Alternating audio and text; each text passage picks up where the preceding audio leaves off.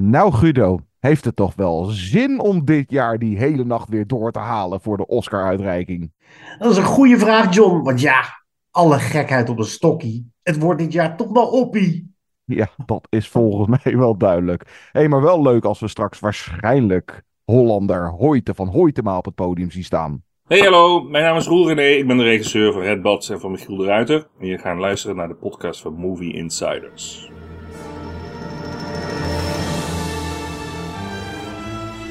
Good evening, ladies and gentlemen. We are tonight's entertainment. Movie Insiders. They're here. Why should I waste my time listening? Because I have a right to be. Uh, I have a voice. Groovy. Hallo allemaal, leuk dat jullie weer luisteren naar Movie Insiders, de filmpodcast van Nederland, die je kan beluisteren via Spotify, Apple en Google. Mijn naam is John. En mijn naam is Guido. En namens mij, want jullie hebben dat al mogen doen in de vorige aflevering, John en Jasper. Happy New Film Year, everyone. Het gaat uh, een stukje beter met deze jongen. Alleen heb ik er nu weer een bijholteontsteking bij. Maar ja, hey, what else is nieuw? De vaste Movie Insiders luisteraar weet dat deze jongen chronisch met verstopte holtes uh, in de microfoon tettert. Wat heb ik onwijs genoten van jullie uh, aflevering met de Movie Insiders Awards. Het, het deed me ook echt dan, ja, het deed me echt pijn om er niet bij te zijn. Dat is, dat is een beetje ons feestje. Dat doen ja. we echt zo lang. Nou ja, we hadden het iets van twee of drie jaar hebben we, uh, hebben we in geheel verzaakt om hem zo uit te reiken. En dat kwam geloof ik ook door die pandemie en zo, weet ik veel. Maar de storm van kritiek die op ons afkwam. Jullie moeten verdorie weer die Movie Insiders Awards uitreiken. Nou, daar hebben we natuurlijk naar geluisterd. Zoals we altijd naar jullie luisteraars willen luisteren. En dat kan op verschillende manieren. Je kan ons een e-mailtje sturen. movieinsiderspodcast.gmail.com Je kan ons vinden op X, Instagram en Facebook. Laat van je horen wat jij vindt van bijvoorbeeld de Oscar-nominaties die we straks gaan bespreken. Maar we gaan ook nog wat verse filmtitels bespreken die net uit zijn in de bioscoop, John. Ja, laten we deze podcast uh, vooral een beetje aankleden met de Oscar-nominaties die net uh, bekend zijn geworden. Daar staan we straks uh, even bij stil. Hoeveel nominaties heeft Oppie? nou, durven we een eerste voorspelling te maken? Een van de titels die best wel vertegenwoordigd is bij die nominaties is het heerlijke The Holdovers. Dat moest er nog nodig van komen. Die draait inmiddels een week of twee. Daar moeten we kort toch even bij stilstaan. De nieuwe Alexander Payne met onder meer Paul Giamatti. Maar we hebben ook Monster, de nieuwe Koreeda Hirokazu. Die uh, in de filmhuizen draait momenteel en zeer de moeite is. Daar een bespreking van. En zoals beloofd in de vorige podcast, kort aan het einde van deze podcast een preview. Wat staat ons dit jaar, nou ja, in ieder geval het eerstkomende half jaar aan grote interessante titels. Bijvoorbeeld films die ook nog Oscar-nominaties gescoord hebben, die nog niet inmiddels al uit waren, die er nog aan gaan komen. Nou, wat zit daar allemaal tussen, naast alle bekende remakes en uh, nou, noem ze allemaal maar, en de sequels en de superhelden en, en al dat spul. De meeste daarvan laten we gewoon lekker links liggen, we focussen ons veel meer op van uh, waar kijken wij echt naar uit. En dan ja, kan je zo... want, want na al dat terugblikken, want dat, daar zijn we goed in bij Movie Insiders, houden we ook van vooruitblikken. Er komt veel moois aan. Maar we beginnen met een bespreking van een nieuwe versie van The Color Purple. Dus het is wel een remake, maar dan een adaptatie van de musical versie. En nou, uiteindelijk de nominatie buit bij de Oscars is beperkt. Uh, we houden het op eentje. Dit is de nieuwe The Color Purple. Miss Seeley. You must ain't got no kinfolk around these parts. All I had was my sister. She was the only one ever loved me. I'm gonna hold my head up. I'm gonna put my shoulders back. It's time for you to see the world. There's gonna be some changes made. Put it on. This ain't me. Hush. We need to look like we belong. Let's see the smile and color. Ooh, sweet and loving God.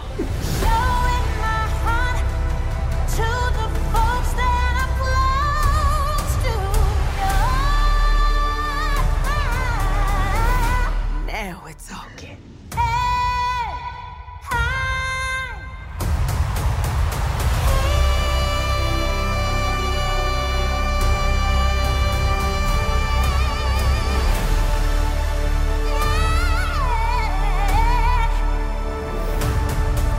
that I'm close to. just kings and queens.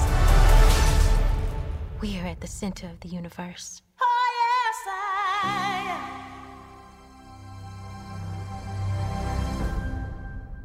Ja, The Color Purple is van oorsprong een Pulitzer-prijs winnend boek. Maar dit is toch even leuk om te zeggen, John. We kennen het verhaal vooral van de jaren 80 Steven Spielberg film. En dan zou je met een beetje fantasie kunnen zeggen: nooit eerder maakte iemand een nieuwe versie van een Spielberg-klassieker. Ja. Hey. Ja, grappig hè? Hm. Gewoon leuk, leuk feitje. Maar goed, The Color Purple legde een lange weg af van zo'n 40 jaar. Van Alice Walker's roman uit 1982 tot speelfilm. Dat is dus die Steven Spielberg versie met doorbraakrollen voor Whoopi Goldberg, Danny Glover en Oprah Winfrey. Die is uit 1985. En dan had je een Broadway musical in 2005. En dan nu een filmbewerking van die Broadway musical. Hebben we er nog zin in? Het is in de basis nog steeds de emancipatieparabel van de Afro-Amerikaanse Celie, die te kampen heeft met geweld en vrouwenhaat op het platteland van Georgia rond 1900. Celie wordt net als op Broadway gespeeld door American Idol-kandidaat Fantasia Barrino. Taraji P. Henson speelt jazz-diva Shug Avery, die Celie's leven eigenlijk een beetje opschudt.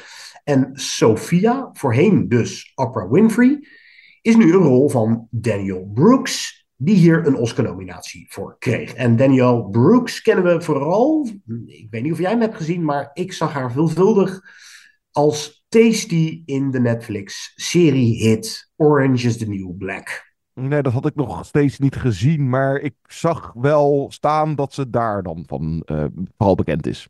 Ja, en niet om mezelf uh, op de borst te kloppen, maar ik riep tijdens die serie al van wauw, wie is die vrouw? Die gaat nog eens uh, doorbreken. Nou, zij heeft dus ook gelijk de enige Oscar-nominatie voor deze nieuwe Color Purple gescoord.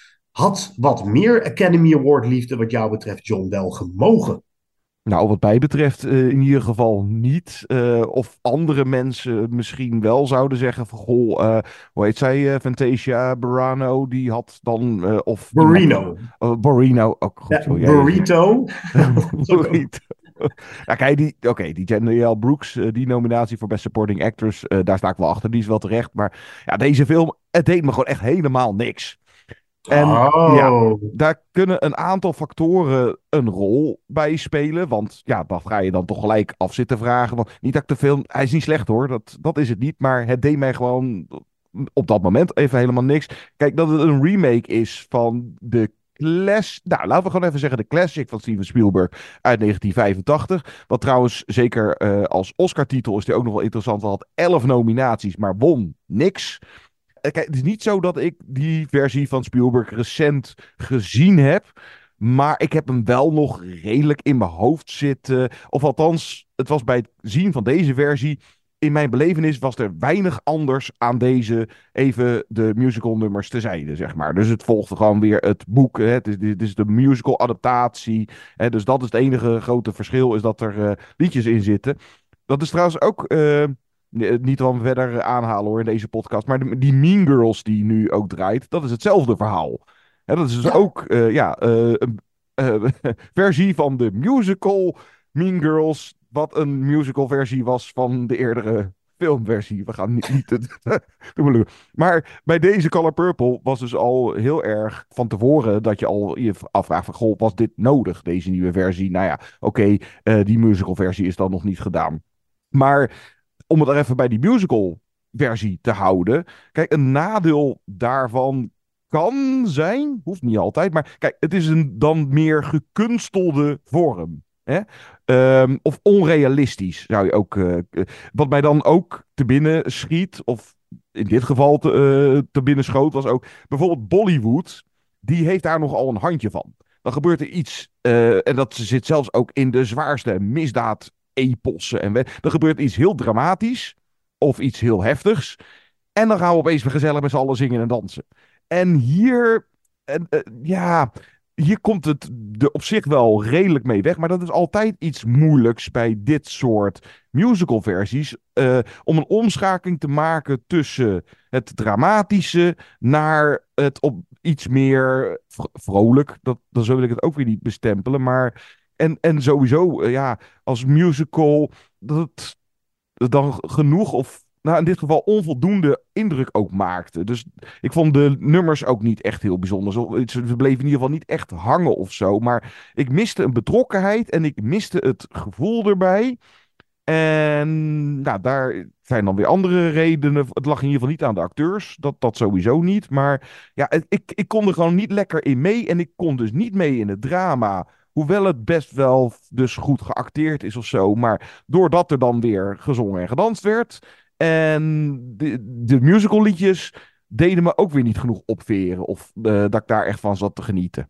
Ja, ik ben het niet met je oneens, maar ik wil het wel graag iets meer opnemen voor The Color Purple. Want ik dacht aanvankelijk vooral, hoe kan een zwaarmoedig verhaal als The Color Purple nou in vredesnaam in een musical vorm worden gegoten? Gaat dat niet keihard botsen? En Ja, de dat, eh, verrassing, ja, de grootste verrassing voor mij was dat de musicalnummers, en nee, ik, er zitten geen oorwormen tussen. eh, het- ik was ook niet geneigd om daarna de soundtrack op te zetten, maar misschien zijn er wel mensen die wel bekend zijn met de Broadway-versie en zijn ze helemaal verslingerd aan die nummers. Ze zijn niet bij mij blijven hangen en ik heb ook nog niet de neiging gehad ze terug te luisteren, maar ik vond ze wel verrassend filmisch en organisch verweven in de flow van het verhaal. Ik had Ja, het is nooit... niet dat het heel abrupt. eh, het, eh, Nee. Ja, het is, het is wel redelijk organisch gedaan. Maar ja, doordat die, dan weer zo'n nummer komt, eh, komt het voorgaande heftige. Ja, blijft niet hangen of zo. Dat, dat had ik meer. Ja. Ja, dit, dit is ook wel een smaakding. En dat, daarin spreek ik mezelf altijd tegen. Ik vind niet dat je in een recensie eh, mag zeggen: het is nu eenmaal mijn ding niet. Dat zou je over elke film kunnen zeggen. En dan kun je net zo goed stoppen met recenseren. Maar in dit geval denk ik. Ik, ik wil een film eigenlijk altijd beoordelen op. eh, is het geslaagd in de opzet? En het antwoord op die vraag voor deze Color Purple is voor mij absoluut een ja.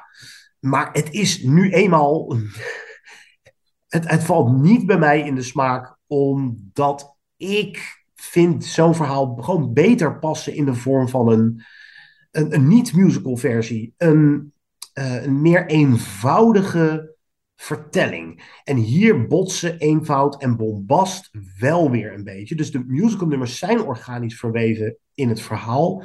Maar het is door de musical vorm ook in zijn geheel, wat mij betreft, een tikkie te gepolijst. Maar het wordt wel omhoog getild door talent. Ja, de En, cast eh, is goed. Ja. De cast is eigenlijk eh, ja, helemaal vlekkeloos. Ik vond niet alleen de hoofdrollen, we, laten we ze in, nog even noemen. De Celie wordt gespeeld door die Fantasia Barrino. Heel mooi eh, hoe zij dat, dat, die geharnaste energie en levenslust acteert. Ik, ik vond wel, je zou misschien over Fantasia Barrino kunnen zeggen dat ze een iets sterkere zangeres is dan een actrice. Maar Ja, ja. ja, ze staat wel tegenover kanonnen als Taraji P. Henson. Ja. Eh, die speelt als Hugh Avery. Die is goed, die is altijd goed.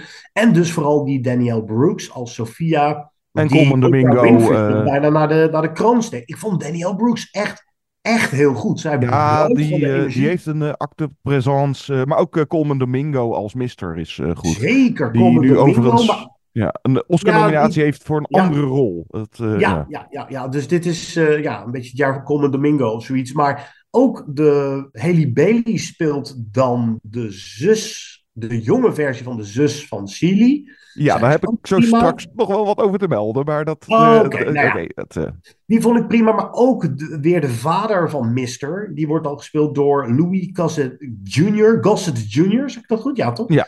Uit een Officer en een Gentleman notabene. Een, een, een echte veteraanacteur. Ik wist eigenlijk niet dat hij nog leefde. ja, Oscar-winnaar was die voor die film. Zeker. eh goede acteur. Ook goed gecast. Dus de cast is goed. Eh, die acteur die Harpo speelt is ook goed. Ja. Ehm, dus daar Ja, is en- eigenlijk niks mis mee. En ook de art direction en zo. Als je dan een musical bewerking maakt van The Color Purple, dan moet je het aardse, het realistische, het authentieke van Georgia uit die tijd moet je iets omhoog tillen. Omdat anders gaat het wel schuren als er ineens een musical nummer komt. En daar had ik hier geen last van. Het is net dat gepolijste, waar ik qua smaak een beetje moeite mee had. Past wel, is wel een slimme keuze geweest voor deze versie. Als je begrijpt. Ja en, ja, en daar past dan iets eh, swingender camerawerk. eh, past daar bijvoorbeeld ook weer bij. De regie is verder ook wel oké van ene Blitz Baza Woele. Oorspronkelijk uit Ghana. En kijk, ja, het script ligt het ook niet aan. Want ja, er is gewoon een goede basis met dat boek. Dus mm, dat kan ook niet echt heel erg misgaan. Dus aan de cast ligt het niet. Aan het script ligt het niet. Aan de, de regie die verder, nou ja, niet heel noemenswaardig, maar best prima. Oh ja, Whoopi Goldberg heeft trouwens een cameootje erin. eh, dat, ja. hebben dat ook even gemeld. Maar eh, musical, nou ja, niet altijd. Je moet ook maar net weer even zin. Maar dit was, ja, ik was er niet voor in de stemming. Of ik had er geen zin in. Of ik had de verkeerde bui. Dat kan ook nog een rol spelen. Of, nou, het was meer dat ik van tevoren stond ik al niet zo te wachten op deze versie. Omdat, ja, kijk, die Color Purple van Spielberg, niet dat het dat die volmaakt, nou ja, misschien wel. Het, ik- Ja, of de meeste werk, dan zou ik hem weer eens aan moeten zetten. Maar daar viel Ja, ik wil hem ook weer eens zien, maar, maar hij staat veel- niet in mijn boekje als, als een van de toppers van Spielberg per se. Nee, maar ik kan me er ook niet iets van herinneren van wat er minder aan was of zo. Dat was ook een van, ja, eigenlijk wel een eh, zo goed als volmaakte film. Maar, maar de- Hm. met deze, ja, ik weet het niet. Het, het, het boeide me ook niet. Kijk, hij was in heel veel opzichten dus wel degelijk genoeg om me niet eraan te gaan zitten irriteren. Dat, zo erg was het gelukkig ook weer niet. Maar ja, wat krijg je dan bij, nou ja, eh, überhaupt eh, een, een film die je zit te kijken, die je niet voldoende boeit, dan ga ik, niet altijd, maar zoals hier, op bepaalde andere dingen letten. Of me daar een beetje aan zitten storen. Nou, zoals met de casting. Je hebt dan eh, een jonge Sealy en een jonge Nettie. Inderdaad, de jonge Nettie wordt dan gespeeld door Halle Ariel uit The Little Mermaid, Bailey. En dat zijn zusjes van elkaar. Maar cast dan twee actrices die een beetje op elkaar lijken. Ze lijken echt totaal niet op elkaar. Nou, dat dan. Maar de En- oudere versie van Halle Bailey, Bailey, die later voorbij komt, is wel weer geweldig gecast qua uiterlijk. Dat, ik geloofde onmiddellijk dat zij de Ja. oudere versie was van. Ja, en de oudere Sealy, eh, die is dan ook wel weer goed gecast. Dus eh Fantasia. Want die lijkt wel weer op de jongere versie van Sealy. Maar dan, weet ik veel, dat zijn dan van die dingetjes... Nogmaals, dat valt mij dan opeens op. Dan heeft ze opeens drie cupmaten groter. Ja, oké, dat kan gebeuren. Maar we zijn, geloof ik, vijf jaar verder in de, die tijdsprongen. En er wordt ook telkens jaartallen aangegeven. Dus er gaan echt decennia overheen. En dan zit je qua leeftijden, eh, zeker ook omdat het ouders en kinderen betreft. En aan het einde van de film, nou ja, ze zijn dan iets ouder gemaakt, maar volgens mij moeten ze rond of voorbij de 60 inmiddels zijn. Of nou, zoiets. Maar ook van die dingetjes. Zij wordt uitgehuwelijkt aan die eh, Mister, of Albert heet hij dan eigenlijk, gespeeld door Colman Domingo. En die man heeft blijkbaar, die, die heeft drie kinderen. Maar wat er met die andere twee kinderen gebeurd is, is me een raadsel. Want die zien we verder nooit meer terug in de film. Maar ja, dan ga ik dan later even bij stilzitten staan. En ook sommige dingen als Celi's power moment. Of eigenlijk haar, eh, nou, haar, haar vrijheid. Haar, eh, ik vecht me los van mijn man bij het gezamenlijke familiedineetje.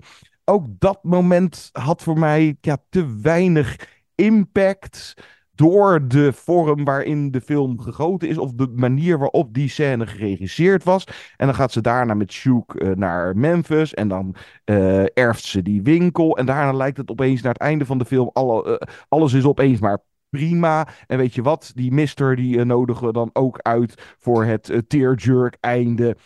Wat als tearjerk einde dan wel weer oké was. Het liet me niet helemaal koud om dan nog even te, te- te eindigen met dat die Celie heeft op een winkel en daar gaat ze dan eh, kleding maken en verkopen. Heeft zij nou 30 jaar voordat het bestond de discobroek uitgevonden? Of hoe zit dat?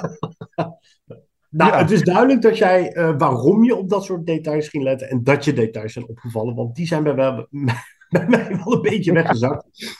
Ik heb eh, de drie dames eh, mogen spreken voor het AD en dat was, eh, was heel leuk. Maar ik had tijdens dat gesprek met zowel Fantasia, Taraji als Danielle, die dus een Oscar-nominatie hiervoor aan heeft overgehouden, had ik wel hetzelfde gevoel als bij de film. Het is erg Amerikaans. Het is, het is heel erg van, oh, women free yourself. En je moet eerst van jezelf houden voordat je ehm, iemand ook kan vergeven en door kan gaan met je leven. Maar ja, dat is nu eenmaal ook het boek van eh The Color Purple. Dat ik niet gelezen heb overigens, maar ik verwijs maar even naar het originele bronmateriaal. Ja, maar En dan vond ik in de, de versie van Spielberg, wat mij ervan bij staat, vond ik dat veel sterker overkomen. Ja, maar dat, Het- dat het- is het- nu ja. eenmaal. Ja, maar dat is die vorm waar we het steeds over hebben. Kijk, het probleem. Kijk, wij zijn allebei dol op musicals. eh, Ja. Op filmmusicals dan. Ik, ik hoef niet zo nodig naar. eh, The hoe heet Lion King eh, of eh, weet The ik Lion, veel. eh, ja, precies. Dat, dat vind ik. eh, het is best een leuk avondje uit hoor. Eh, maar het is niet helemaal mijn ding. Maar het nadeel van. Zeker als je een, een, een ontroerende. Ook een, een wat schrijnend eh, verhaal te vertellen. Zoals The Color Purple. Dat gaat over hele pittige dingen als huiselijk geweld bijvoorbeeld. Ja, dan, dan worden de thema's dus hardop uitgesproken. Of, zelfs uitgezongen in dit geval. Eh, In musical vorm wordt er weinig meer aan de verbeelding overgelaten. En dit verhaal leent zich gewoon beter voor een subtiele aanpak. Dat, dat, dat is wat ik net probeerde te vertellen in een notendop over de vorm. En dat dat niet mijn ding was.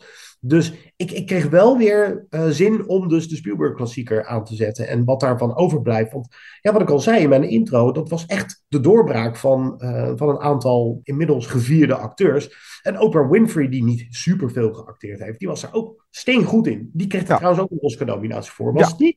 Ja, inderdaad. En het was de eerste echt serieuze film van Spielberg. Ja, we hebben in de vorige podcast dus eh, ik en Jasper de awards uitgereikt. Ik wil niet op de feiten vooruitlopen om nu al te zeggen van oké, mijn niet-kopje thee voor, voor, volgend jaar is al geschonken. Blijf luisteren. Straks gaan we het hebben over de Oscar-nominaties. Dat vinden we leuk, wij Oscar-watchers. Wat is ons opgevallen? Wat zijn de snaps en surprises? En er zijn veel snaps. Er zijn weinig surprises, maar wel heel veel snaps. Leuk om daar even de tanden in te zetten. We hebben het ook nog even over de holdovers. Die draait al een tijdje, maar wij als Alexander Payne fanatici eh, moeten het daar toch even over hebben. Net als over de nieuwe Koreeda Hirokazu. Een prachtige nieuwe film heeft hij gemaakt. Monster. Ook nu te zien in de bioscoop. En we doen nog een preview. Wat ons de komende maanden te wachten staat aan mooie titels in de bioscoop. Eh, John, jij bent degene die eh, het altijd het, het best voorbereidt, dat blokje. Zitten er ook eh, streamingtitels tussen of is dit echt een bioscoop georiënteerd? Ik heb het in dit geval eigenlijk alleen maar even op de bioscoop gefocust. Dat, om de streaming er ook nog bij te halen, dan eh, wordt het... er komt al zoveel uit. Er komt wel zoveel uit. We hebben het de hele tijd bij The Color Purple gehad over dat Fantasia Barrina het ook al, Celie ook al speelde op de planken. Maar hetzelfde geldt voor Danielle Brooks, die dus een Oscar-nominatie overhield. En dat ene powernummer, waarmee ze haar nominatie wel verzilverd heeft, denk ik, zat ook al in het Broadway-origineel. En laten we daar een stukje van draaien. Hell no. Danielle Brooks uit The Color Purple. Blijf luisteren. Girl, child ain't safe in a family means. Ooh, sick and tired how still live like a slave. You still alive. You show them girls and beat back that jive.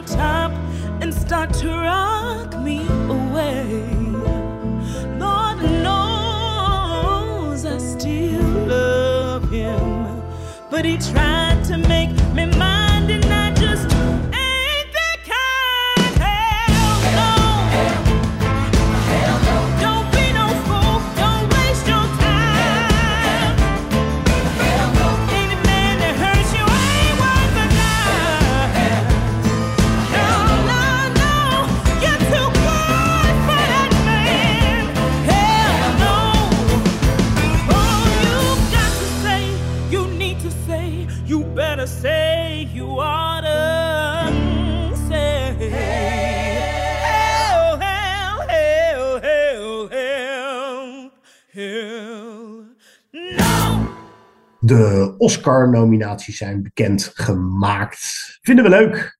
Kijken of er verrassingen tussen zitten. Wie is overgeslagen? Het gebakkelei over de Oscars is altijd ja, misschien wel leuker dan de show zelf. Nou ja, de show vinden we ook leuk. En we zijn nog in onderhandeling, maar mogelijk een terugkeer naar de Rotterdamse bioscoop Lantaarn Venster, waarin John en ik misschien weer live jullie door de Oscarnacht gidsen. Daarover ongetwijfeld snel meer in een volgende aflevering van Movie Insiders. Maar goed. En laten we niet de, nu alle Oscar-nominaties eh, en alle categorieën gaan zitten door. Dat doen we later wel als we gaan voorspellen.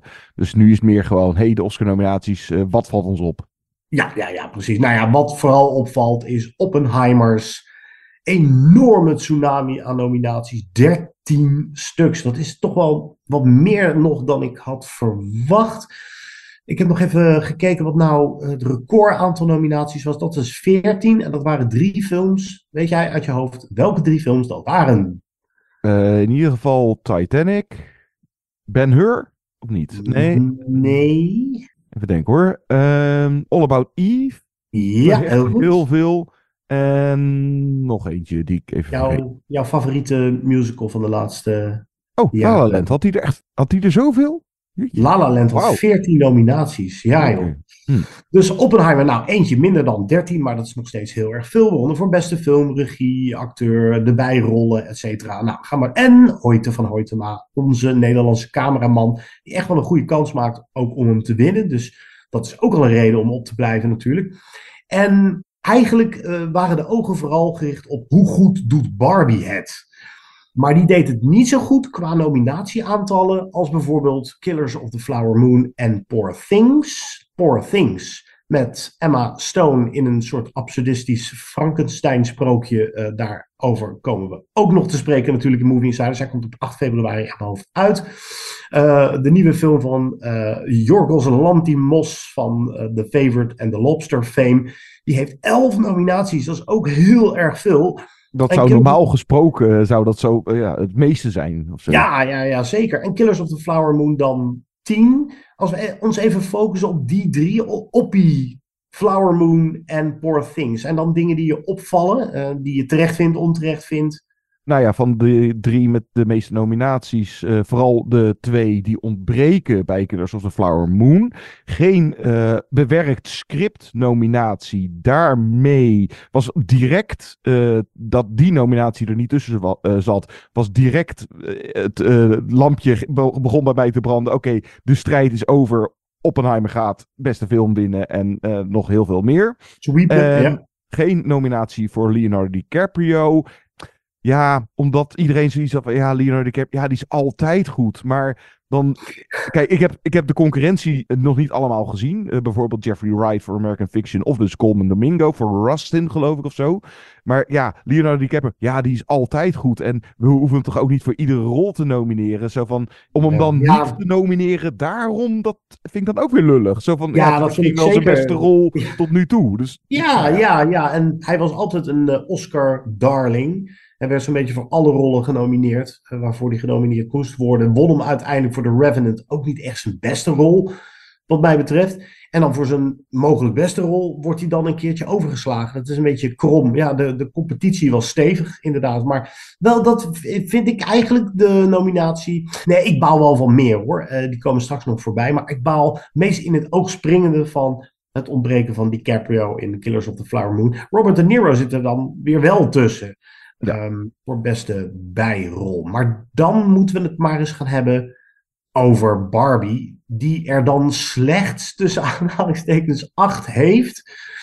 Um, ja, Margot ja, Robbie zit er dus niet. Ja, Margot Robbie zit er wel tussen als producer. Want als je een beste filmnominatie hebt, dan, uh, als, dan ja. ben je als producent een, ja. een genomineerde. En Margot Robbie is er daar één van. Maar zij kreeg geen Oscar-nominatie en Ryan Gosling wel. En de nominatie die wat mij betreft echt niet had gehoeven. America Ferrara voor beste vrouwelijke bijrol in Barbie. Dat, ik vind Barbie echt een topfilm. Je, bent, je weet het, hij stond ook in mijn top 10 lijst.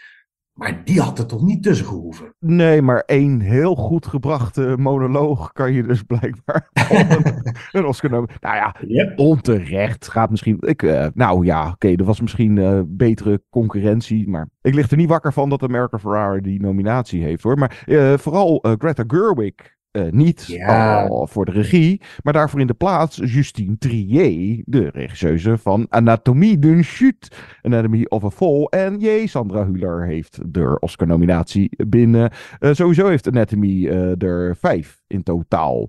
En waarom dan niet bij International Feature? Nou ja, Frankrijk moest een film kiezen en ze hebben deze niet gekozen of niet ingezonden. En die andere film, die Le Pot au Feu, heeft geen nominatie eh, gescoord. En eh, deze nou, gaat dan uiteindelijk niks winnen, maar... eh, want bij International Feature, eh The Zone of Interest, die namens het Verenigd Koninkrijk is ingestuurd. want die is Duits gesproken, van Jonathan Glazer. Nou, die heeft ook een beste filmnominatie. Over, over de, de gruwelen van Auschwitz die worden genegeerd door de kampbewaarder. Dat is eigenlijk in de notendop waar die film over gaat. Een geweldige film die hier nog moet uitkomen. Ja, eh, de komende week, of eh, één deze dagen komt hij uit. Dus dat eh, zal eerst volgende podcast komt die waarschijnlijk Ja. in combi met Poor Things wel voorbij. Ja, je hebt maar gelijk, hij komt volgende week al uit, geloof Ja. ik. Ja. die, nou, ja, die heeft dan een beste filmnominatie ook. Dus oké, die wint dan International Feature. Ik vond het vooral jammer dat daar geen Fallen Leaves van Aki Kaurismäki, die is net buiten de boot gevallen. Net als vooral buiten de boot gevallen mee december. Nou, neem hem maar over. Ja, Leonardo DiCaprio's beste rol speelde hij misschien wel in Killers of the Flower Moon. Natalie Portman's beste rol speelde ze misschien wel in May December. En ook zij zit er niet tussen. Julia Moore zit er niet tussen. En Charles Melton zit er niet tussen. Dat had wat mij betreft een, eh, een triple nominee mogen, mogen zijn voor die geweldige film. Ja, er is geen liefde voor, ja. Ja, ja, Kan, het is, ja. Het is, ja, dat kan. Maar toch wel een beetje gek, want Natalie Portman en Julianne Moore zijn net als DiCaprio ook van die, van die, van die mensen die eigenlijk er altijd wel tussen zitten. Ja, nu een keer niet. Dat is op zich misschien dan ook wel weer verfrissend. Hm. Ehm, hij moet het doen met een scriptnominatie en nou, ik geloof misschien nog één of twee, maar... Nee, dat was het. Eén. Eén. Oh, is, is alleen- echt ja. alleen script? Oh, Alleen script. Wat ik dan ook wel jammer vind, eigenlijk de grootste competitie, de grootste concurrentiestrijd was er bij beste regie. Want Greta Gerwig zit er niet tussen. Maar daar had je echt zoveel namen nog eh, eh, willen zien staan. Dan vind ik het wel kicken dat Justine Trier voor Anatomy of a Fall en Jonathan Glazer voor The Zone of Interest het wel gehaald hebben. Is wel heel gaaf. Dat zijn toch iets meer arthouse films. Sowieso, eigenlijk als je in de helikopter gaat zitten, een mooie fusie tussen grote blockbusters, grote titels en arthouse. Toch? Ja, kijk, eh, Barbenheimer, daar konden ze gewoon eh, ook niet omheen, omdat het ook gewoon kwalitatief eh, goede films natuurlijk zijn. En de titels. Het zou zomaar eens kunnen dat dit weer eens een goed bekeken Oscar-uitreiking wordt. Vanwege, nou, onder meer Barbie en Oppenheimer. En dan de, ja, de twee waar het spannend zou kunnen gaan worden, is dan Lily Gladstone versus Emma Stone voor beste actrice. En Killian Murphy voor Oppenheimer. En als Oppenheimer versus Paul Giamatti, eh, waar we het zo eh, over... Ja, daar gaan we zo ieder moment op verder, de holdovers. Eén eh, dingetje, wat ik dan bijvoorbeeld niet wist, maar ik zat ABC News, eh, geloof ik, het verslag stond live aan. en die wezen mij daarop, en dat wist ik dus nog niet. Maar voor het eerst heeft de Mission Impossible franchise Oscar-nominaties gescoord. Oh, echt? Ja, dat is nog nooit eerder gebeurd. Oh. Ja. Nee, joh? Ja, serieus. Ja, dat is wel echt zo van wauw. Die hele, het gaat al echt, nou wat gaat het nu, bijna 30 jaar mee? En dat heeft Ja. nog nooit iets van een nominatie voor. En nu geloof ik geluid en ja, special effects. Het zijn ook niet hele spannende nominaties. Nee, maar toch. Het is wel ja, toch, eh, leuk, weet je. leuk opvallend, inderdaad. Ja. En wat dan ook opvallend is dat Past Lives koerste volgens mij af op meer nominaties. Maar moet het ook stellen met een handjevol. Want de regie, eh Celine Song zit er niet tussen. De twee acteurs, waar die Ja. film toch op drijft, die zitten Ja. er niet bij. Maar Past Lives heeft dan wel een beste filmnominatie. Ja. En ik heb hem nog niet gezien, maar ik hoor om me heen eh, heel veel gejubel over All of Us Strangers. Die zit er ook helemaal niet tussen. Nee. En wat ik, wat ik nog wel leuk vind om te noemen, die kwam eigenlijk voor mij als een complete verrassing. Het is ook een kleintje. Nou ja, wat is klein? John Williams is genomineerd Oh ja. voor zijn muziek voor Indiana Jones en The Dial of Destiny. Die zag ik totaal niet uit, eh, aankomen en ik heb het even opgezocht. Het is zijn 54ste Oscar-nominatie, John. Doe maar. Maar laten we heel eerlijk wezen. Als die was gecomponeerd door een, een of andere, weet ik veel, een, eh, een of andere Portugees waar nog nooit iemand van had gehoord, had hij er niet tussen gestaan. Nee, nee het Dit is is- gewoon John Williams hoog. Hij, hij leeft nog. Hij heeft nog een, score Ja. gedaan. Weet je wat? Hup, nominatie. En het is echt niet zijn beste score. Echt niet. Nee. Dus eh, ja, dus, het- ook, het, he- het heeft altijd een beetje een dubbel eh, gevoel. Maar ja, ik word vooral heel erg nieuwsgierig naar films die nog uitkomen. Inderdaad, je had het al over Rustin. Je had het al over American Fiction. En zo zijn er nog een paar films. Ook eh, de documentaires heb ik echt nog lang niet allemaal gezien. Maar wat ik wel leuk vond, is dat jij tipte hem al in onze eindejaarspodcast. Die, ehm, die documentaire 20 Days in Mariupol. Ja, Ja. gaaf, toch? Dat is volgens eh, mij nu ook wel eh, de nou, favoriet, klinkt zo stom, maar de favoriet om beste documentaire te gaan winnen. Ja, Dus dan zal die misschien ook nog wel een bioscooprelease hier in Nederland. eh, ja, eh, eh, nog steeds niet duidelijk, maar daar hebben we het later in de preview. eh, wat er wel uitkomt wel over eh, de holdovers. Nieuwe Alexander Payne. Ja, zullen we het daar eens even over hebben? Een klein clipje laten horen van die heerlijke film. I was right. This is why I hate parties. That was a disaster. Total disaster. Speak for yourself. I was having fun. Let's take Mary home, make sure she's okay, and we'll come back. Out of the question. Come on, would you give me a break? God, I was hitting it off with Elise. No, the niece? Are you kidding me? This poor woman is bereft, and all you can think about is some silly girl. I don't need you feeling sorry for me. See? I'm just saying, this was the first good thing that came with being in this prison with you. Need I remind you that it is not my fault that you are stuck here? Do you think I want to be babysitting you? Oh, no, no. I was praying to the God I don't even believe in that your mother would pick up the phone or your father would arrive in a helicopter or a submarine or a flying fucking saucer to take you dead. De Holdovers, de nieuwe film van Alexander Payne, die hiervoor even een misbaksel eh, of een interessante mislukking maakte met Downsizing. Dat was die film met een eh, kleinere maak, gemaakt eh, met, de, nou daar hebben we het maar even niet meer over, maar onder meer Sideways, About Schmidt, Nebraska, ehm The Descendant, nou, heerlijk. Hij heeft even kijken, vijf nominaties heeft hij bij de Oscars. Film dus, Paul Giamatti, Divine Joy Randall voor Best Supporting Actress, eh, die ook favoriet is om die te gaan winnen. Eh, script en dan eh, beste editing, montage. Of dat recht is, geen idee. Dat zie ik de tweede keer wel als de film kijk. Maar het script, trouwens niet door Alexander Payne zelf, maar David Hemmingson. Maar echt die, ja, die dialogen en weer zo'n gevalletje van. We hebben net awards uitgereikt, maar qua quotes, de, god ja, your penis cancer in human form. Zo kan het nog wel even doorgaan. Ja, ik, ik zag eh, de holdover en ik, ik kwam daar eh, met eh, heel veel gevoelens kwam ik uit. Vooral van verrukking. Van ah, eindelijk weer eens een echte, bijna volmaakte tragicomedie. Ik vind hem, het, het is zo'n film die je iedereen kan aanraden. En ah, die John, die, eh, die gaat hier ook zo gelukkig van worden. Want ik zag hem eh, echt al maanden geleden. Om Alexander Payne te kunnen interviewen. Dat was erg leuk. Wat een amabele man is dat trouwens. Die kan ontzettend leuk vertellen. Over bijvoorbeeld dat die, die andere hoofdrolspeler. Ja, die had nog nul ervaring. Dat is gewoon een debuutrol. Holy shit, dat is nog een debuut. Ongelooflijk. En ja, het, ehm, nou ja, goed. Ik, ik denk dat ik je niet hoef te vragen wat je van de film vond. Eh, ik, ik denk dat het eh, moeilijk is om deze film af te kraken of hem tegen te vinden vallen. Sterker nog, dit is zo'n film die eigenlijk iedereen blind kan aanraden. Dat heb ik ook bij collega's gedaan en dat is me al, eh, het heeft me al wat complimenten gestaan. Hier kun je ook met je moeder naartoe. Maar dat, dat klinkt dan weer zo fout. Eh, alsof het een soort ehm, consensusfilm is, een soort veredelde tv-film. En daar doe je de holdovers denk ik echt mee tekort. Waar, waar Nou ja, dat is het, het mooiste. eh, of je zou het nog mooier kunnen zeggen. Zo van, hij heeft dus een consensus van iedereen vindt dit wel lekker. Ja. En dan Ja. heb je de groep mensen eh, die echt er nog meer van genieten. Of die er nog wel meer uithalen dan alleen, goh, wat een lekkere film. Nou ja, en daarom zou die misschien nog een outsider kunnen zijn voor beste film bij de Oscars. Want we hebben eerder gezien dat grote favorieten verloren omdat er meer liefde was of eh, dat eh, eh, er gewoon meer consensus was over één film. Al kan ik me dit. Kijk, Nee. iedereen vindt ook Oppenheimer goed. Ja, nee, Oppenheimer gaat absoluut winnen. Maar waar gaat die holdovers nou eigenlijk over? Het speelt zich af in de jaren 70 en hij is ook gemaakt als een jaren 70 film. Echt tot in de puntjes.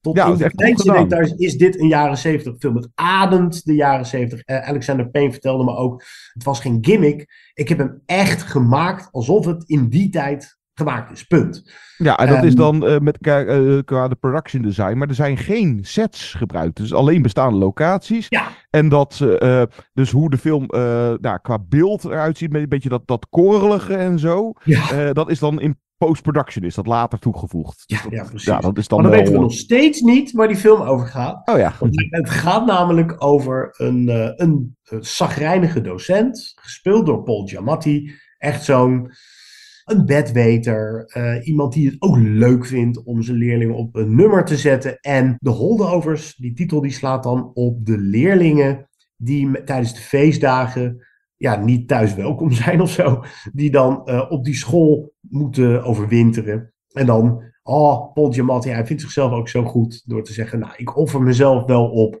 om dan Nou, ook te een, blijven. een, en een collega had een of andere lul-excuus van... Ja, mijn moeder is ziek, geloof ik. Of zoiets.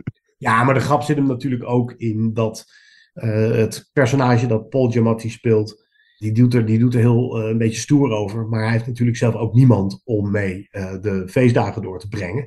Hij woont daar ook op de er- campus. Ja. Ja, en dan ontstaat er een bijzondere band tussen hem, een van die leerlingen, en die, de, de kok, de, de kokin van de school, gespeeld door Divine Joy Randolph. Misschien wel het geheime ingrediënt van waarom de holdovers zo ontzettend goed werkt. Ehm, wat jij. Ja, inderdaad. Eh, we kennen haar eh, eh, niet uit heel veel. Nou ja, Dolomite is My Name. Die film met Eddie Murphy Ja, zat zij in. En trouwens nog even met betrekking tot de Oscar-nominatie van Paul Giamatti. mag die hem van mij winnen? Ja, ik heb dus nog niet alles gezien. Maar of dit misschien ook zijn enige kans is om een keer een Oscar te winnen? Nou ja, Van mij mag hij hem winnen hoor. Ik vind ja, absoluut. En ook gewoon zijn. Hij heeft natuurlijk en heerlijke dialogen vanuit het script gekregen, maar ook gewoon de manier waarop hij ze brengt. Maar het personage is ook, eh, nou, eigenlijk prachtig tragicomisch. Want hij is cynisch en strikt, maar toch ook warm en empathisch. Eh, hij, hij neemt het bijvoorbeeld ook voor die kokkin op, die dan haar eh, zoon in Vietnam heeft verloren. En ook weer zo'n typisch, eh, nou ja, wat ik in het verleden wel vaker over Alexander Payne heb gezegd. Zo'n film waar lach en traan zo mooi dicht bij elkaar liggen.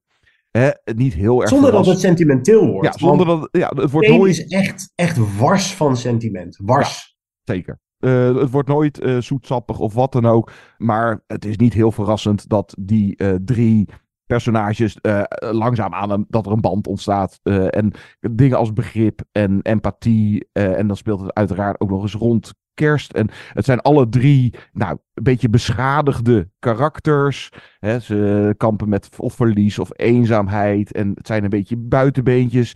Eh, zeker de volwassenen. Er komt nogal wat eh, drank en medicatie eh, bij kijken. Maar wat dan ook wel weer niet zozeer ver- verrassend is. nou, Je zou bijna denken dat de band die ontstaat tussen. eh, ik ben even de naam van de personages, weet ik niet hoofd. Maar in ieder geval Paul Giamatti en eh Dominic Sessa, de leerling. Eh, het is niet dat Paul Giamatti. wordt geen surrogaatvaderfiguur. Het blijft wel echt ook. En daar worden leuke grappen mee gemaakt. Echt wel leraar en leerling. Zeker. En Paul heet ook Paul in de film trouwens. Paul Giamatti. Oh ja, ja. Dominic Sessa heet dan Angus en die kokkin heet Mary. En eh, ja, jeetje, ehm, eigenlijk bewijst de holdovers dat je als film niet voor de originaliteitsprijs hoeft te gaan om een meesterwerk te maken. Want de holdovers moeten het niet hebben van plotwendingen of verrassingen of wat jij zegt. Goh, het, is, het ligt voor de hand dat ze dichter bij elkaar komen en dat dat de reis is die zij maken en wij als kijker. Maar de manier waarop dat gebeurt is zo echt en nooit geforceerd. Er zit misschien één geforceerd momentje in. Iets met een psychiatrische kliniek, daar wil ik niet te veel over zeggen. Misschien een enige lichte schoonheidsfoutje, wat mij betreft, in de film. Maar Zien we is- door de vingers. Ja, dat zie ik zo graag door de vingers. Want dit, dit is zo'n film. Ja, dit- en het zou, ook nog, het zou ook nog wel eens een kerstklassieker kunnen worden. Want ehm, de fout die veel mensen maken die een kerstfilm willen maken, is dat het per se in kitsch doordrenkt moet zijn en met zoetsappigheid. En dat is dus helemaal niet nodig. De beste kerstfilms hebben juist ook iets droevigs, iets melancholisch. En dat heeft deze film. Dus ik zag eindelijk voor het eerst misschien wel twintig jaar weer eens een film waarvan ja, dit is nou een heerlijke kerstfilm. Ja, die niet per se gemaakt is als kerstfilm. Nee, precies. Nee, het, speelt toevallig rond de kerst. En dat is mooi meegenomen, want nou, dat vo- voegt wat meer toe aan eh, de sfeer en het gevoel. En, Ja, maar het eh, samenkomen, ja. eh, het vergeven, het elkaar de ruimte gunnen, dat, dat zijn ook wel kerstelementen die er ook allemaal wel in zitten. Ja, en er zitten fantastische. Nou ja, ik, eh, dat kwam ik dan in de trivia tegen hoor. En dat zijn van die dingen, daar ga je dan een tweede of derde of vierde keer, hoe vaak je die film gaat kijken, ga je dan opletten. Maar eh, Paul Giamatti, eh, zijn personage, heeft een lui oog. maar dat wisselt. Net als de autodeur die eh, telkens niet open gaat. En dat las ik. Oh ja, eh, dat die was dan- autodeur, ja. Ja, maar dat, is, maar dat is heel raar. Dat de ene keer zijn linker, dan is het- zijn rechter eh, oog is lui. Maar dat is dan symbolisch. En zo zitten er nog wat andere, diepere Ja, thematiek er wordt ook constant gevraagd ook naar hoe ze dat hebben gedaan. Of dat nou practical effects zijn of iets met de computer. Maar eh, hij weigert daar antwoord op te geven. Hij zegt dat is het geheim van de smid. Maar eh, er is inderdaad iets met zijn ogen en het is heel goed gedaan. Ja, zeker. Nee, dat was, eh, nou ja, eh, hij was dus inmiddels eh, uit eind vorig jaar, dus met kerst. Dus het was een heerlijk kerstcadeautje. Maar officieel is het een release van dit jaar, want dat was nou, de tweede week van januari. en ja, deze gaat je nog wel even bijblijven. Al is het alleen al maar vanwege die onvergetelijke handdruk aan het einde van de film. Ah, ja. Oh, toch wel een klein brokje in de keel hoor, aan het eind. En dit is, dit is echt geen mindere Payne. Dit is echt Alexander Payne keihard terug op, het, op zijn beste niveau. Dit is, dit is echt top 3 Payne werk. Ja, dan zijn we die hele downsizing zijn we vergeten. Ja, zeker. Laten we de Oscar-films en Oscar-nominaties bij deze. Dat, dat hoofdstukje hebben we voor nu even afgesloten. We gaan naar een bespreking van een nieuwe Japanse titel, Monster. De Japanse titel komt zo nog wel. Maar in plaats, ja, trailertje, ja, dan praten ze Japans. Dus in plaats daarvan zat ik te denken, laten we een stukje score draaien. Want dat is ook de zwanenzang, nou in ieder geval de laatste filmscore van componist Ryoichi Sakamoto. Die nog een Oscar won voor The Last Emperor. Die overleed afgelopen jaar. Dus in plaats van trailer, stukje score van Monster.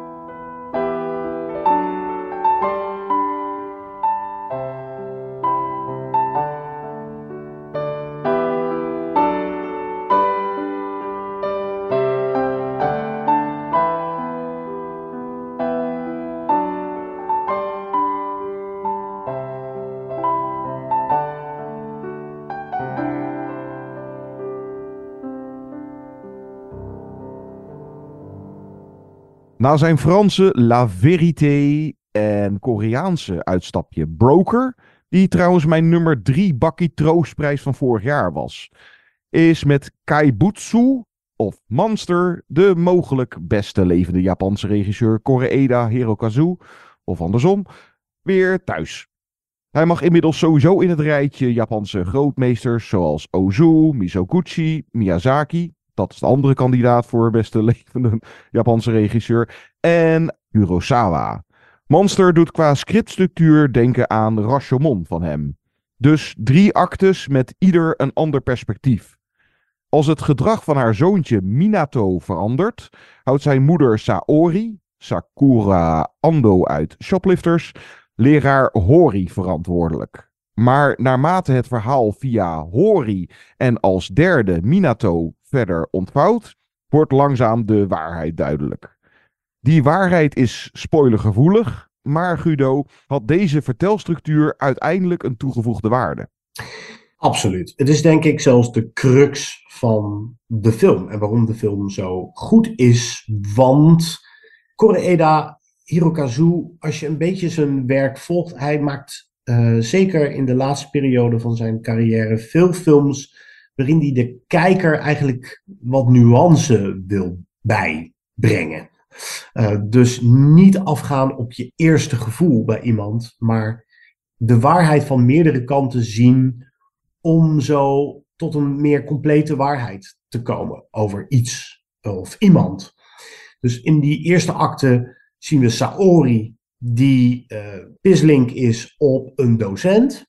Die zou haar zoontje Minato inderdaad een hengst hebben gegeven. Nou, de tweede acte, uh, dan moeten we dat uh, beeld over die docent een beetje bijstellen. En in de derde acte uh, is het gezichtsveld die van de jongetjes, Minato en Yori, onder meer. Maar ja, deze film laat dus vooral zien hoe we gevangen zitten in vooroordelen en perspectief. En het gaat erom dat je je kan verplaatsen in het hoofd van een ander. En de belevingswereld van een ander. En daarin is de structuur van Monster, je noemde net al Rashomon, het wordt te makkelijk, vind ik ook snel geroepen als iets uh, in meerdere uh, delen wordt opgesplitst, een film en meerdere perspectieven laat zien, wordt dat gelijk het Rashomon-perspectief genoemd. Oké. Okay. Ja, het is dan, net, net even anders, maar. Het, ja, het is, het is misschien dan niet baanbrekend, maar ik denk, en dan ga ik even de, de moraalridder uithangen, zeker in deze tijd vind ik dat een, een hele belangrijke vorm. Omdat we allemaal op basis tegenwoordig van Instagram posts denken te weten hoe iemand in elkaar steekt, hoe een relatie in elkaar steekt, wat de waarheid is. En in dat opzicht de, de, de, de, deze film of uh, dit verhaal me ook uh, heel erg denken aan uh, Anatomy of Fall. Zeker, ja, ja, dat is helemaal waar. Uh, alleen in Anatomy of a Fall is geen absolute waarheid. Die zit misschien iets meer wel in Monster. Al kun je over het einde, waar we het niet over gaan hebben, nog een leuke discussie voeren. Ja, dat, tenminste die behoefte voelde ik wel toen ik hem zag in Cannes vorig jaar. Dus dit is bijna een jaar geleden dat ik hem zag.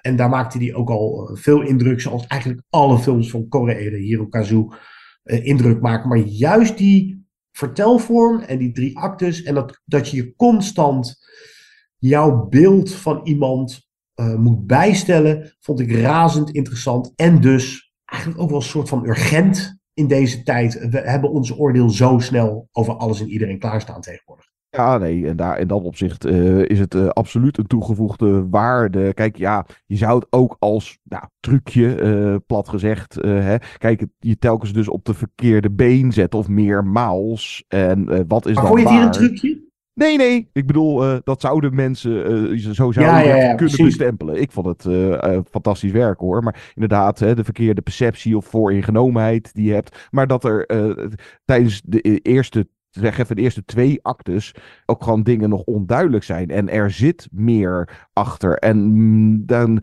is het ook wel daarnaast interessant dat je sympathie voor bepaalde personages verandert. Doordat de kijk erop veranderd is. Of hè, het wordt opeens vanuit die eh, persoon verteld. En dan blijkt er, nou ja, eh, dat en dat aan de orde. Er zit sowieso zit er heel veel in dit eh, script ook. Want kijk, de bezorgde ouder. Hè, het gaat ook over pesten of gepest worden op school. Dus, en dan inderdaad dat je kind opeens dusdanig, zelfs beangstigend gedrag begint te vertonen.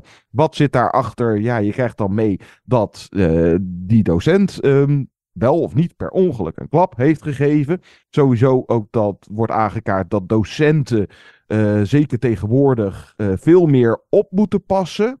Eh, omdat al heel snel nou, dingen als ontslag of zelfs een rechtszaak aan hun broek, dat soort dingen. Maar doordat zij zich veel meer moeten inhouden, kan het ook zo zijn dat zij daardoor minder doorhebben of minder kunnen helpen bij hun leerlingen, omdat zij zich terughoudender moeten opstellen. Maar eh, nou ja, dingen als inderdaad bijvoorbeeld eh, mishandeling eh, van kinderen, of dat dan wel overkomt of dat gezien wordt. Daarnaast is het ook nog eens coming of age en nou ja, bepaalde gevoelens of je eerste verliefdheid. En kijk, ja, het is dus je zou kunnen zeggen ook wel deels, of komt hij een beetje zo over als thriller of mysterie, met dan een verrassende nou, afloop, als je het al afloop mag noemen. De film eindigt weer anders dan je in eerste instantie tijdens, eh, nou, zeker de eerste acte denkt. Eh, deze won overigens dan beste script op Filmfestival van Cannes.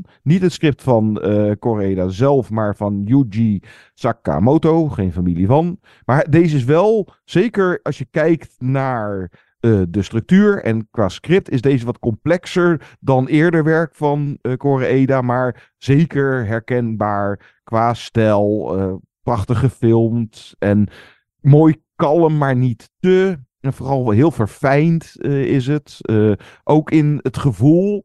En deze regisseur is gewoon zo goed in ja, empathie hebben ook voor zijn bijna altijd levensechte personages. En ook gewoon de interacties en de relaties tussen deze karakters. En daarnaast ook gewoon weer goed geacteerd. Dus ja, hij, hij flikt het weer.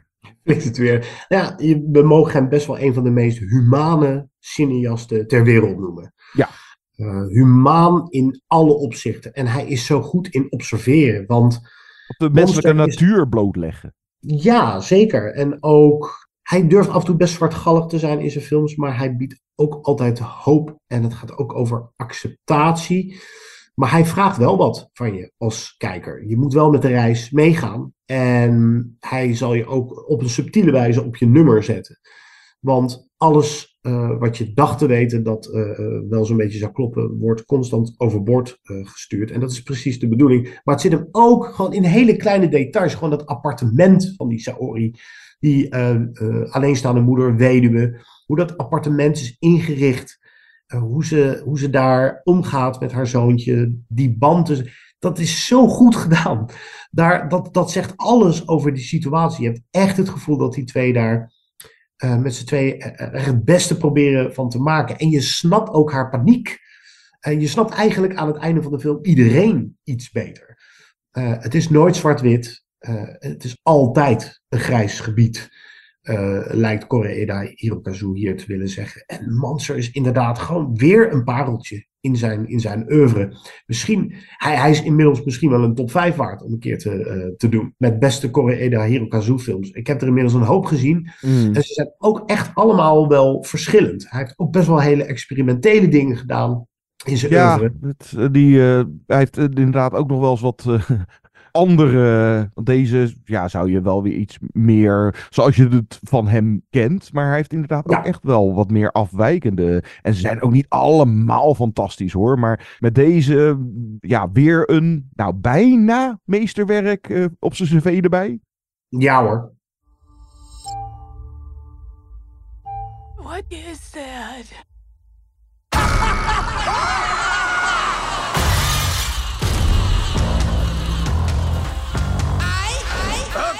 Let's clear it all out. It's demo day! Wait, what's happening? who are you people? What's going on? Whoa, whoa, wait, wait, you can't. Whoa! Hey, hey, what are you doing? All right, she's all set. Set with what? Orange? Who made the console orange? Do I look orange? I didn't touch it. Orange is not my color. Not me. Hello? Oh my gosh, I'm anxiety. Where can I put my stuff? A new emotion. Wow. Oh, I'm sorry. We wanted to make such a good first impression. Uh, what do you mean, we?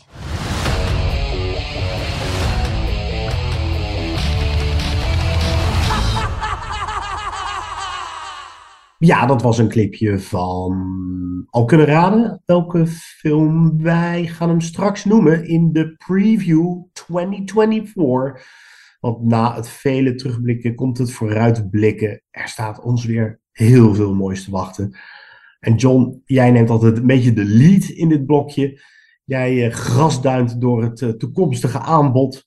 En ik ga daarop schieten of ik omarm je en uh, val je bij. Ik ben benieuwd, heb, heb, je eigenlijk in, in totaal een beetje het gevoel dat, we, dat onze prachtig filmjaar staat te wachten? Of is het weer een hele hoop recyclies, zoals jij dat altijd zo mooi zegt, met sequels en requels en remakes en prequels? Nou, de meeste van die heb ik bewust een beetje links laten liggen. Ik heb me gefocust op nou, wat ik in ieder geval persoonlijk, uh, of uh, voor in algemene zin een beetje de grote interessante titels of van een uh, bepaalde regisseurs. Of oh wauw, nieuw werk van die. En het is toch moeilijk inschatten van of dit een fantastisch filmjaar. want ik moet dan ook er even bij vermelden dat ik heb vooral gekeken naar het eerste half jaar. Wat er dan nu aan bioscoop releases in ieder geval bekend is. En ja, voor de tweede helft van dit jaar, misschien dat we van de zomer weer ouderwets, net zoals dit. Dat was er ook een beetje, ja, waren vergeten van dat vooruitblikken. Maar dat deden we voorheen ook altijd nogmaals met een summer preview van wat dan de tweede helft van het jaar. Even kijken of we dat dan nogmaals doen. Maar er zitten zeker interessante dingen tussen. Trouwens, die er dan ook, maar die hebben ook geen Oscar nominaties gescoord. Je haalde hem terecht al wel aan. Die zijn mm, vandaag gisteren, het, uh, uh, morgen, het is maar wanneer je deze podcast hoort, bioscooprelease, die All of Us Strangers, de nieuwe Andrew Hake met Andrew Scott en Paul Mescal. Die is zeer de moeite. Jammer dat hij inderdaad geen Oscar-nominaties. En dat Ferrari is ook nu net uit. die had ook niks. Ja, ik heb hem gezien. Uh, nieuwe Michael Mann is dat over Enzo Ferrari, de, de automagnaat. Ik was niet zo geboeid door die film. Ja, nee. Ja, Penelope Cruz is goed. Er zit een goede auto uh, race scène in. Maar ik kreeg nou niet aan het einde het gevoel van dit is waarom Michael Mann per se een film over Enzo Ferrari wilde maken. Ik, uh, miste, ik miste een beetje een visie en het is ja. zo'n film die ik een tweede kans zou moeten geven. Een keer, als ik er ook niet echt op te wachten. Ja, nou en de titels uh, die uh, de aankomende twee weken uitkomen, die uh, deze podcast ook al meerdere malen genoemd zijn. The Zone of Interest van Jonathan Glazer en De Hoer van Frankenstein, ofwel Poor Things, de nieuwe Jorgos Lantimos, met een uh, zo vaak naakte Emma Stone dat het bijna niet leuk meer is. Maar daar gaan we, nou hoogstwaarschijnlijk dat is de eerstvolgende podcast, uh, de focus op leggen. Nou, daar gaan we. De preview 2024. Fien en Teun, circus op de boerderij. en uh, verliefd op Bali. Ja, dit wordt een iets andere preview dan jullie van ons gewend zijn. Nou, ik kan er wel iets over zeggen. Verliefd op Bali is natuurlijk uh, uit de succesvolle Verliefd opreeks van uh, Johan Nijhuis het, het, het nieuwe pareltje. waarin we ongetwijfeld omver worden geblazen door zomerkriebels, verliefdheidsvlindertjes en een hele hoop bekende Nederlanders. Laat me raden, zit Jim Bakken erin? Nee, ik wil geen idee. Ja, natuurlijk zit hij erin. Alvast. Ik kwam de titel tegen. Um, een uh, ja, film over Bob Marley, maar uh, voor het eerst volgens mij uh, dan fictie. Bob Marley, One Love met die Kingsley Benadir. Die speelde al een grote bekende Malcolm X in One Night in Miami. En ja, dit ziet er uh, zeer veelbelovend uit. Uh, maar volgens mij voor het eerst een, dus een film uh, over Bob Marley, wat geen docu is. En die One Night in Miami was heel goed. Hm. Dat is echt een beetje een vergeten film, voor mijn gevoel. Die moet iedereen een keer zien. Komende maand ook die Iron Claw, die had jij inmiddels gezien, geloof ik, hè? Ja, over die, die worstelende broertjes. Ja, het is nieuw werk van Sean Durkin. Niet de meest productieve regisseur ter wereld, maar we kennen hem vooral van Martha Marcy May Marlene. Dat was een hele goede film over een meisje die vastzit in een uh, secte. En dit is iets heel anders. Dit is eigenlijk een beetje een melodrama, maar wel smaakvol gedaan. En het, het is een waar gebeurd verhaal inderdaad over een, een worstel van die showworstelaars met Zac Efron, die zichzelf voor deze film echt, nou ja, die, die, die zat aan de anabolen, dat kan bijna niet anders. Hmm. En die familie overkwam zoveel rampspoed, dat ze een aantal van die tragedies uit het echte verhaal uh, gewoon voor het script maar hebben weggelaten, omdat het anders te ongeloofwaardig zou worden. Dat, wow. dat wil ik je alvast meegeven, ja. Maar okay. dit, is, dit is echt wel de moeite waard. Interessant. En dan even, even kijken hoor. Een van de titels die ook een nominatie heeft voor Best International Feature bij de Oscars. Uh, het Italiaanse Io Capitano. De nieuwe van Matteo Garrone, die er onder meer eh, Gomorra maakte. En deze zag ik reeds op het filmfestival Leiden en is eh, Ja, zeer, ja, zeer de moeite. En ook vanwege het zeer relevante onderwerp van nou ja, kansarme jongeren uit Afrika die de gok nemen eh, en af willen reizen richting Europa en alle shit die hen overkomt. Deze moeten we ook zeker, nou, een van de komende podcasts eh, de revue laten passeren. Net als dat eh, komende maand eh Drive Away Dolls. Eh, die was wat verlaat vanwege volgens mij dus die stakingen. Maar dat is het eh, solo regiedebuut van Ethan Coen. Dus Joel Coen is het zo van, ja, vroeger hun films maakten ze, regisseerden ze die altijd samen. Eh, nou ja, daar, daar kan je, in ieder geval geloof ik, eh, het overgrote deel van de bekendste titels deden ze samen. En, Ja, de Coen Brothers van de Ja, niet dat ze ruzie hebben, geloof ik, of zo, maar meer van, Ja. nou, we willen ook een keertje in ons eentje een keer wat doen. Dus Joel Coen, die had al eh, in zijn eentje die eh, Macbeth film gemaakt met Denzel Washington. En nu hebben we dus Drive Away Dolls van Ethan En nou, de trailer ziet er heerlijk uit. Ja, en Ethan Coen kan echt wel wat. En dat is vooral, denk ik, op scriptniveau altijd een beetje de drijvende kracht achter de broertjes geweest. Ik heb namelijk een keer een boek gelezen van Ethan Coen met korte misdaadverhalen. Die ademen echt Coen Brothers eh, humor en, en suspense en de kleinburgerlijkheid versus het grote geweld. Weet je wat je vooral eh, ziet in, in films als Fargo en nou, noem ze allemaal maar op. Dus ja, hier, hier ben ik ontzettend benieuwd naar. Een solo project. Ja, maar ik, ja, Eigenlijk kunnen we straks de eh, tragedy op Macbeth en deze naast elkaar leggen. En eh, misschien eindelijk eh, een beetje ontvouwen wie nou Ja, wat precies Ja. doet. Of waar die verantwoordelijk voor was bij hun eerdere gezamenlijke meesterwerk of zo. In ieder geval deze Driveway Dolls aan de hand van de trailer. eh, ja, heel erg het Coen gevoel. Veel meer dan eh, dat ik met die, eh, die ook goed was hoor, die Macbeth. eh, dat komt later nog een keer te sprake. En dan die andere gro- grote titel die dus is doorgeschoven vanwege die stakingen. June Part 2. Ja. Ja, Zit- wij kijken we er nog best naar? wel- Kijk toch Ja, wel. wij waren best wel pittig voor de eerste Dune. Maar die ga ik absoluut nog een keer kijken. Al is het maar omdat ik anders echt geen snars snap van de plot van deel 2. Het, hij zag er fantastisch uit. Ja, hij de- zag de- er de- echt fantastisch Ja, uit. en die trailer voor part 2 ziet er ook fantastisch uit. Dus dat, eh, ik vraag me af of je dan inderdaad eh, na het zien van part 2 met terugwerkende kracht of met het herzien van deel 1 eerst, of, maar hè, het als geheel, dat daardoor dan part 1 ook weer beter valt. Of, maar inderdaad, die ga je sowieso eerst nog eens een keertje zitten kijken en dan kan je het als geheel eh, zien. Is het eigenlijk, komt er ja, nog een part, komt er een part 3 of is dit het? Eh, volgens mij is dit het. Ja. Het, eh, hierna is het dan, eh, dan klaar. Een eh, titel die wij nog zagen op Filmfestival Leiden van Christopher Borkley heet hij. eh, die nog mijn top 10 haalde met Sick of Myself, die Noorse regisseur. Dream Scenario met Nicolas Cage. Die in dromen van andere mensen verschijnt. En ja, En in, in, in die dromen van wildvreemde mensen die hij niet kent en zij kennen hem niet, is, gebeurt er iets gruwelijks. En dan is de gimmick dat dan Nicolas Cage opduikt in die droom en dat hij dan niks doet. Ja, dat hij dus passief aan de zijlijn staat. Ja, dit, dit, dit vonden wij een geweldige film. Laat, laat, laat ik het ehm, houden hierop. ehm, de beste filmruft, misschien uit de geschiedenis. Als ik daaraan terugdenk, moet ik gewoon weer zo onbedaarlijk hard lachen.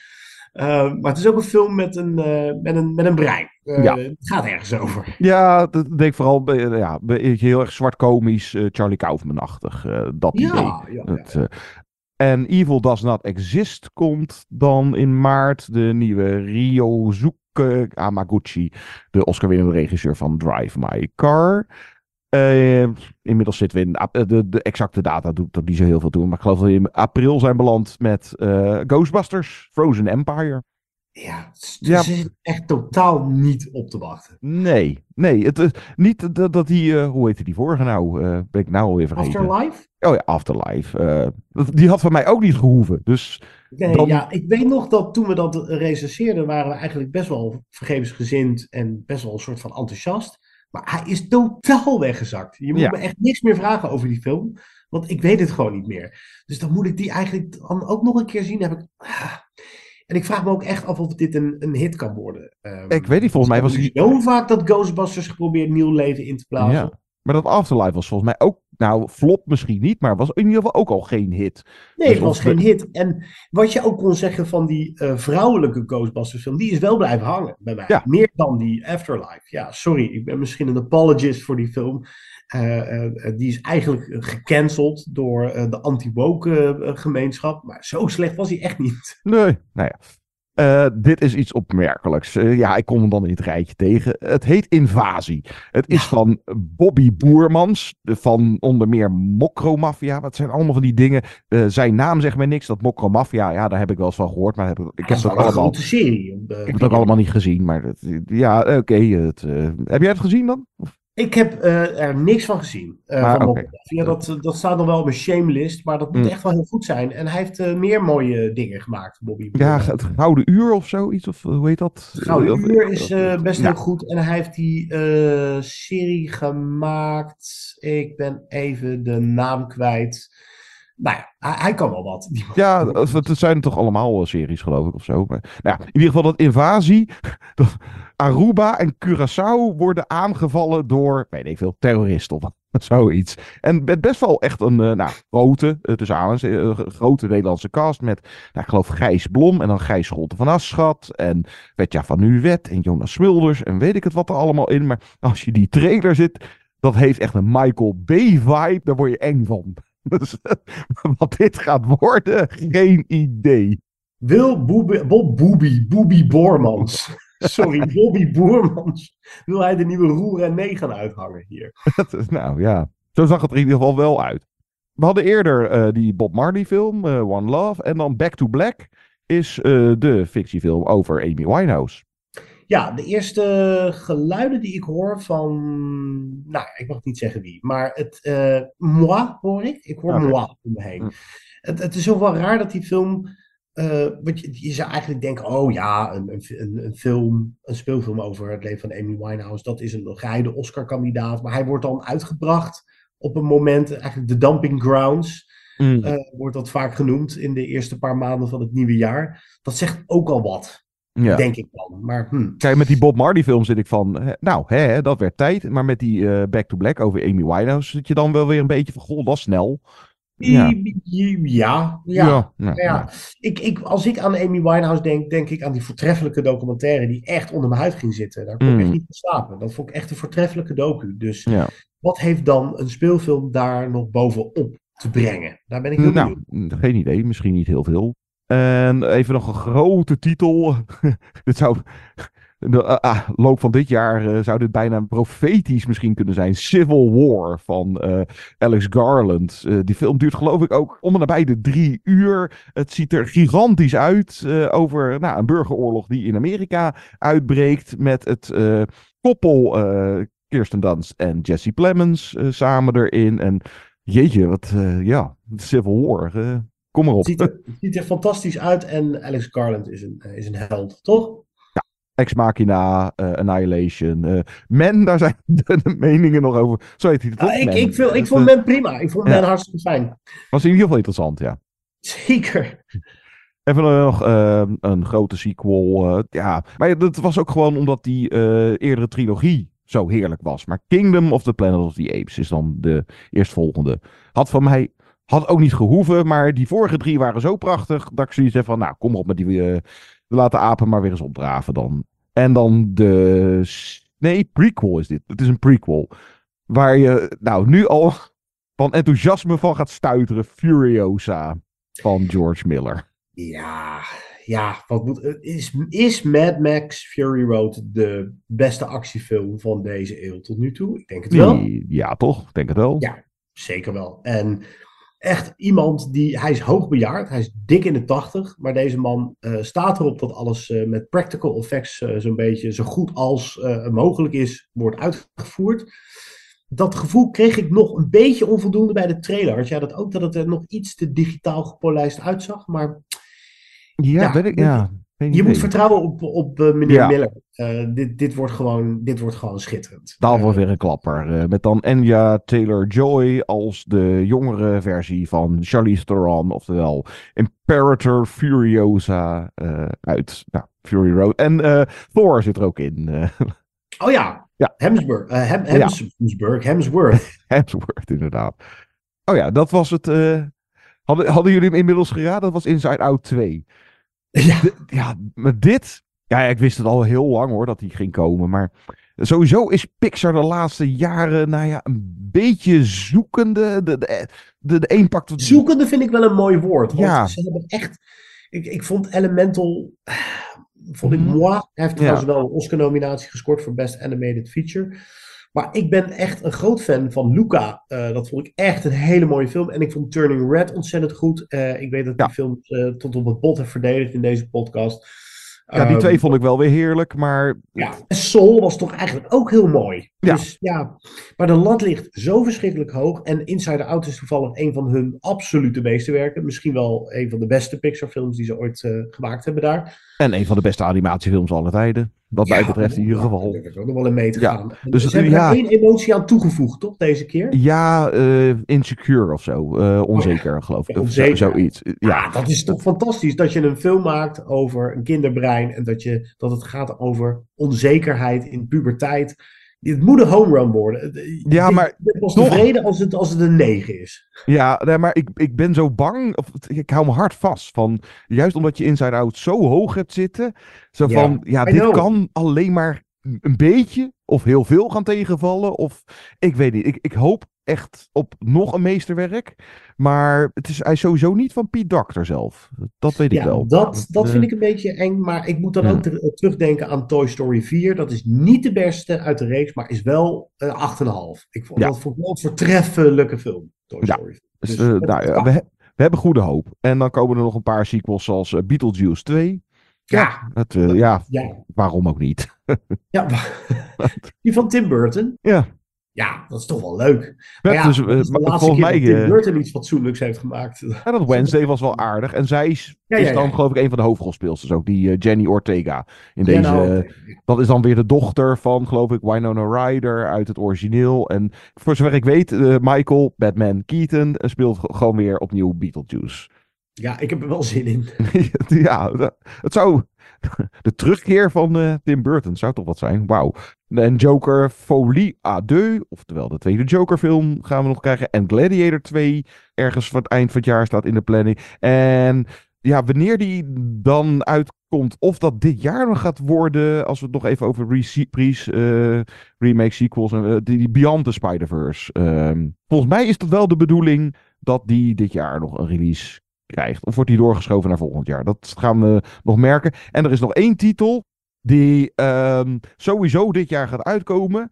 Vrij snel, geloof ik ook al. Maar er is nog geen exacte release datum. De nieuwe Bong Joon-ho, Mickey 17. Met onder meer Robert Pattinson en Mark Ruffalo. Er is ook, over de plot is gewoon nog steeds niks bekend. En er is alleen een heel kort teasertje van een, van een halve minuut of zo. Maar hij komt eraan. Uh, Bong Joon-ho. Oh, handen wrijvend. Ja, ik de Oscar-winnende regisseur van Parasite. Eh, dus dan heeft het nou, een paar jaar geduurd en eh, is er eindelijk weer nieuw werk van hem. Gaat maar het wanneer toch, die. gaat ja, toch een mooie filmjaar worden hoor, John. Ja, dat toch- gaat helemaal goed komen. smullen, hoor. Ik bedoel, Fien en Teun, Invasie. Ik bedoel, dit, het, het kan wel eigenlijk al niet en dan verliefd op, waar zijn ze deze keer? Bali. Dit was de eerste soort van reguliere nieuwe podcast van 2024. Bedankt voor het luisteren. Wij zijn snel weer terug, want al, al die Oscar-titels die net de revue passeerden, die moeten hier nog uitkomen. Dus we gaan onze tanden zetten in de eerstvolgende show. Natuurlijk in Poor Things met Emma Stone en The Zone of Interest met Sandra Hüller onder meer. Dat is, heb je hem al gezien trouwens, The Zone of Nee, Interest? nog niet. Ik ben zo benieuwd wat je daarvan vindt. Mijn hemel. Dat is echt, echt ook niet je standaard holocaust drama. Zet je schrap. Maar goed, ehm, tot die tijd, laat van je horen. Wat vinden jullie van de Oscar-nominaties? Wat vinden jullie van het eh, nieuwe Kore-eda Hirokazu pareltje Monster? Vonden jullie het een, een, een misbak, een monsterlijk misbaksel? Wat vonden jullie van de Color Purple? Waren wij daar veel te zuinig over? Laat altijd van je horen via de welbekende social media platforms als Instagram, X en Facebook. En je kan ons een e-mailtje sturen: movieinsiderspodcast.gmail.com. John, we gaan er altijd uit met muziek. En uh, wat, heb, wat had jij in gedachten? Ja, het is een uh, soort van uh, segway op segway op segway. maar inderdaad, nou, je noemde hem al eerder. John Williams, dit was dus zijn nominatienummer. Nogmaals? 54. 54, oké. Okay, en dan gaan we door. Waar won hij zo eerste Oscar voor?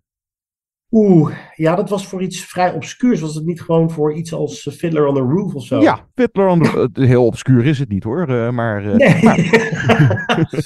ja, nee, maar daar denk je, associeer je niet direct John Williams mee. Nee, maar ja, dat was ook inderdaad een soort van uh, best score en song adaptatie. Het was niet alleen ja, dat, dat, dan. Maar de regisseur van Fiddler on the Roof overleed een deze dagen, Norman Jewison. Ja, werd 97. Dus ja, het is. Ik weet het, het is momenteel een beetje controversieel om hier een liedje uit te draaien. Maar zullen we het gewoon doen? L'Chaim to Life uit Fiddler ja. on the Roof? Ja, laten we, het, laten we het gewoon doen. Het is een klassieker en wij hebben er verder ook geen, we geven er geen context bij. Nee. Het is wat het is. Het is een oorworm. En het is uh, een kleine eerbetoon aan Norman Jewison. Een, een man die geweldige films heeft. In the Heat of the Night is wel Ja. echt een memorabele, een, een belangrijke klassieker zelfs. Ja. Moonstruck is ook mooi. Vooruit. Eruit met Fiddler on the Roof to Life. Tot de volgende keer. Ciao.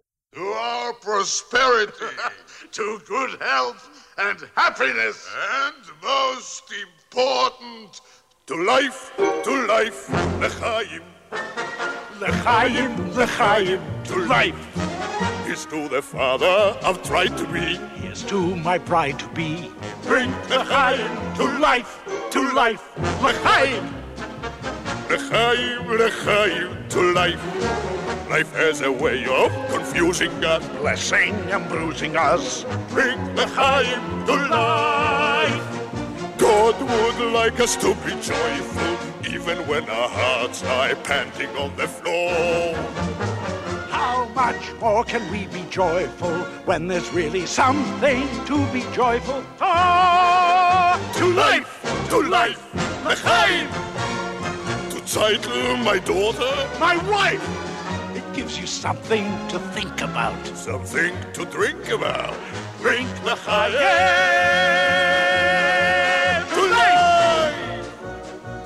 Mordge! Yes, what is it, Lizaboo? That Mordge drinks for everybody. What's the big occasion, lady? I am taking myself a bride. Who's the lucky one? Tevye's eldest, Zeitel. Today's a wolf to Tevye. To title your daughter. My wife! May all your futures be pleasant ones, not like our present ones. Drink L'chaim to life, to life, L'chaim. L'chaim, L'chaim to life. It takes a wedding to make us say, let's live another day. Drink L'chaim to life. We'll raise a glass and sip a drop of schnapps in honor of the great good luck that favored you. We know that when good fortune favors two such men, it stands to reason we deserve it too. To us and our good fortune. Be happy, be healthy, long life. And if our good fortune never comes, kiss to whatever comes. Drink the tonight.